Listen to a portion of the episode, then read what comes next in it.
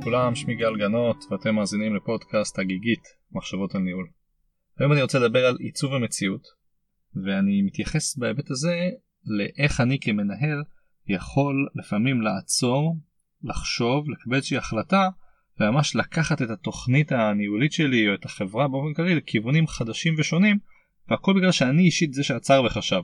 אה, ולזה אני קורא עיצוב המציאות כלומר היכולת של בן אדם אחד להסתכל על מה שהוא אחראי עליו ולפעמים אפילו על דברים שהוא לא אחראי עליהם להחליט משהו ולהסיט את הספינה הזאת זה יכול להיות בשינויים מאוד מאוד דרמטיים זה יכול להיות גם שינוי של איזה חמש מעלות כזה שבסוף אם אנחנו מנווטים ספינה החמש מעלות האלה אחרי הרבה זמן יקחו את הספינה למקום מאוד מאוד שונה ממה שהיה בתחילת הדרך.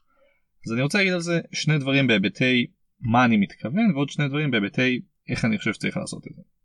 אז דבר ראשון אני אגיד שיש הרבה אנשים בעולם בכלל וגם בעולם הניהול בפרט שאוהבים לעצור ולחשוב על מה הם עשו אחורה ולראות האם הם עשו טוב או לא טוב ולמה. אני חושב שהמנהג היהודי הזה לקראת שלוש השנה או ביום כיפור לעצור ולחשוב מה עשיתי השנה ואם זה היה טוב או לא טוב אז אני הרבה פעמים חושב שם לא רק על מה שעשיתי והאם זה היה טוב או לא טוב אלא גם על מה שלא עשיתי איזה דברים הייתי יכול לעשות ולא עשיתי ועל מה אני מצטער. ואני חושב שזה נכון גם בהיבטים הניהוליים כלומר איך אני יכול עכשיו לשפר את העשייה שלי לא רק על ידי זה שאני אחליט החלטות יותר נכונות באירועים שמגיעים אליי, אלא בכלל לעצור ולחשוב מה אני יכול לעשות שהוא לא משהו שהוא מגיע אליי ישירות אלא אני זה שצריך להשפיע עליו. עכשיו למה אני מתכוון? למשל לפני כמה שנים הייתי אה, ראש ענף בצבא היה לי כמה אה, מדורים שהיו תחתיי והייתה לי איזה מחשבה יום אחד שיש איזה נושא אחד שאנחנו פשוט לא מתעסקים בו. כלומר זה הרגיש לי שיש כמה מדורים שהם עוטפים כל מיני דברים במציאות שהיינו אחראים עליהם אבל זה נושא אחד שפשוט לא היינו אחראים עליו וחשבתי לעצמי נראה לי שצריך להקים איזשהו גוף חדש שיתעסק רק בדבר הזה.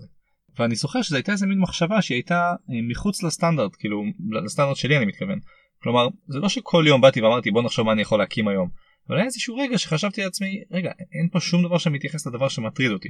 אה, ובעולם העסקי שלנו זה יכול לקרות מכל מיני כיוונים זה יכול לקרות מאיזושהי תחרות עסקית אל מול מתחרה שלי זה יכול לקרות מאיזשהו לקוח שבא וביקש איזשהו משהו יש הרבה מאוד רבדים של השינוי הזה מאיפה הוא מגיע אבל אני אומר למנהל יש את היכולת לעצור ולעשות שינוי מאוד משמעותי והדבר הראשון שאני רוצה להגיד על זה זה שאני חושב שאנחנו כמנהלים צריכים תמיד לחשוב על לא רק מה שעשינו והאם זה היה טוב או לא טוב אלא לחשוב על מה לא עשינו אוקיי? כלומר אני מסתכל אחורה ואומר בואנה היה פה משהו שהייתי יכול לעשות ולא עשיתי אותו זה מה שאני מתחרט עליו. וכדי שלא נגיע לנקודה הזאת צריך כל הזמן לחשוב מה אני יכול לעשות גם אם הוא לא יוצא נקודתית מאיזשהו אירוע שיש לי כרגע.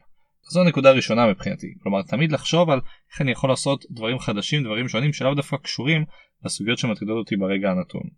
זה הנקודה הראשונה.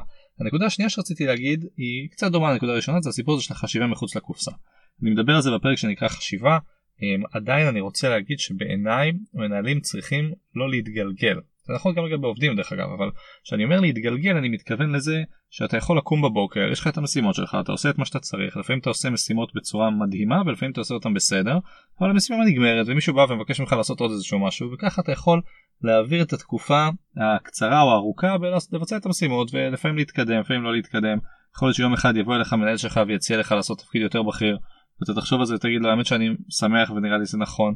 ככה חיים מתגלגלים להם ואני חושב שלפעמים זה טוב לעצור ולהגיד רגע אני לא רוצה להיות מהאלה שמתגלגלים אני רוצה לפעמים לעצור ולכוון את המסלול שלי לאיפה שאני רוצה. שוב פעם העצירה הזאת החשיבה הזאת בעיניי ממש מתקשרת ישירות לעיצוב המציאות כלומר רק אחרי שאני עוצר ומבין שאני יכול לעשות פה איזשהו שינוי אז בעצם מתאפשר לי לעשות את מה שאני קורא לו עיצוב המציאות. אז הנקודה השנייה כלומר אני מחבר הנקודה הראשונה הייתה ההבנה שאני תמיד צריך לחשוב על לא רק מה שעשיתי ואם זה טוב ורע אלא גם על הדברים שלא עשיתי ומה אני יכול לעשות אם אני ארצה. והנקודה השנייה זה שאני חייב לפעמים לעצור ולנסות לשנות ולשבש את מסלול החיים הרגיל כדי לייצר דברים חדשים. זה לגבי מה זה העיצוב מציאות הזה. לגבי איך לעשות את זה אז אני רוצה להגיד שני דברים.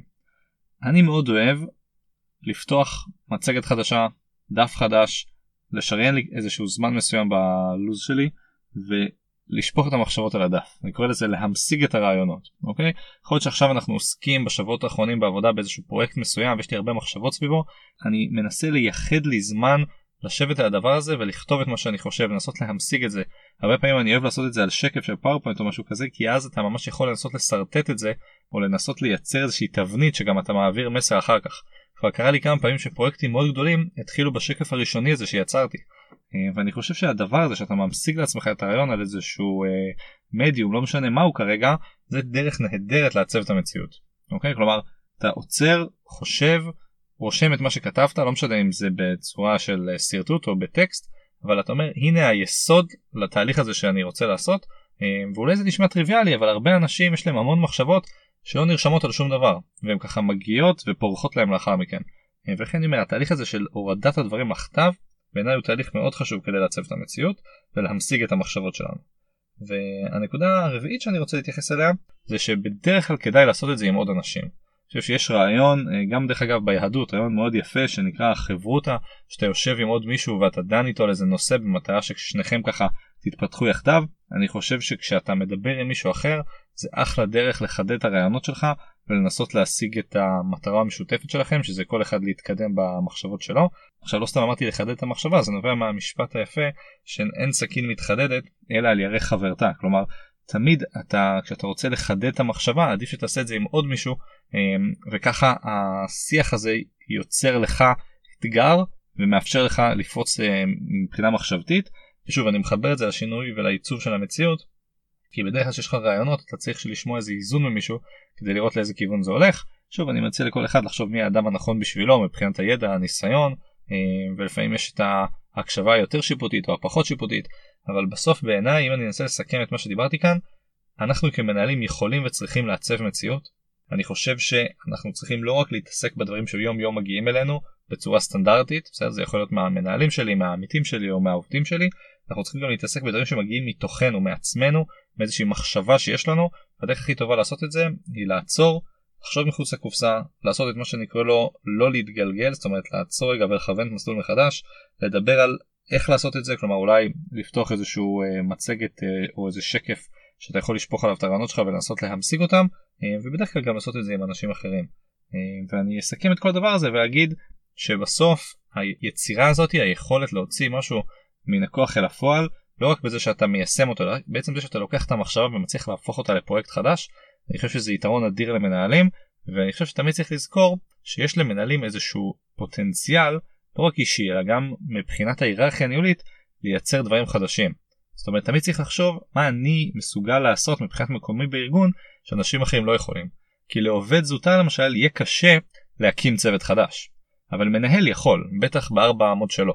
אז תמיד צריך לחשוב מה אני יכול לעשות, מה אני מסוגל לעשות. שוב, לא תמיד צריך לעשות שינוי בשביל שינוי, אני חושב שזה לא דבר נכון, אבל כן להיות פתוח כל הזמן לשינויים דרמטיים, לדרך חדשה, לנסות לפתור את הבעיות שמטרידות אותנו על ידי זה שאני מעצב את המציאות מחדש. זהו, מקווה שזה היה ברור. כרגיל, שאלות והערות, אני תמיד אשמח לענות. תודה לכם ויום טוב.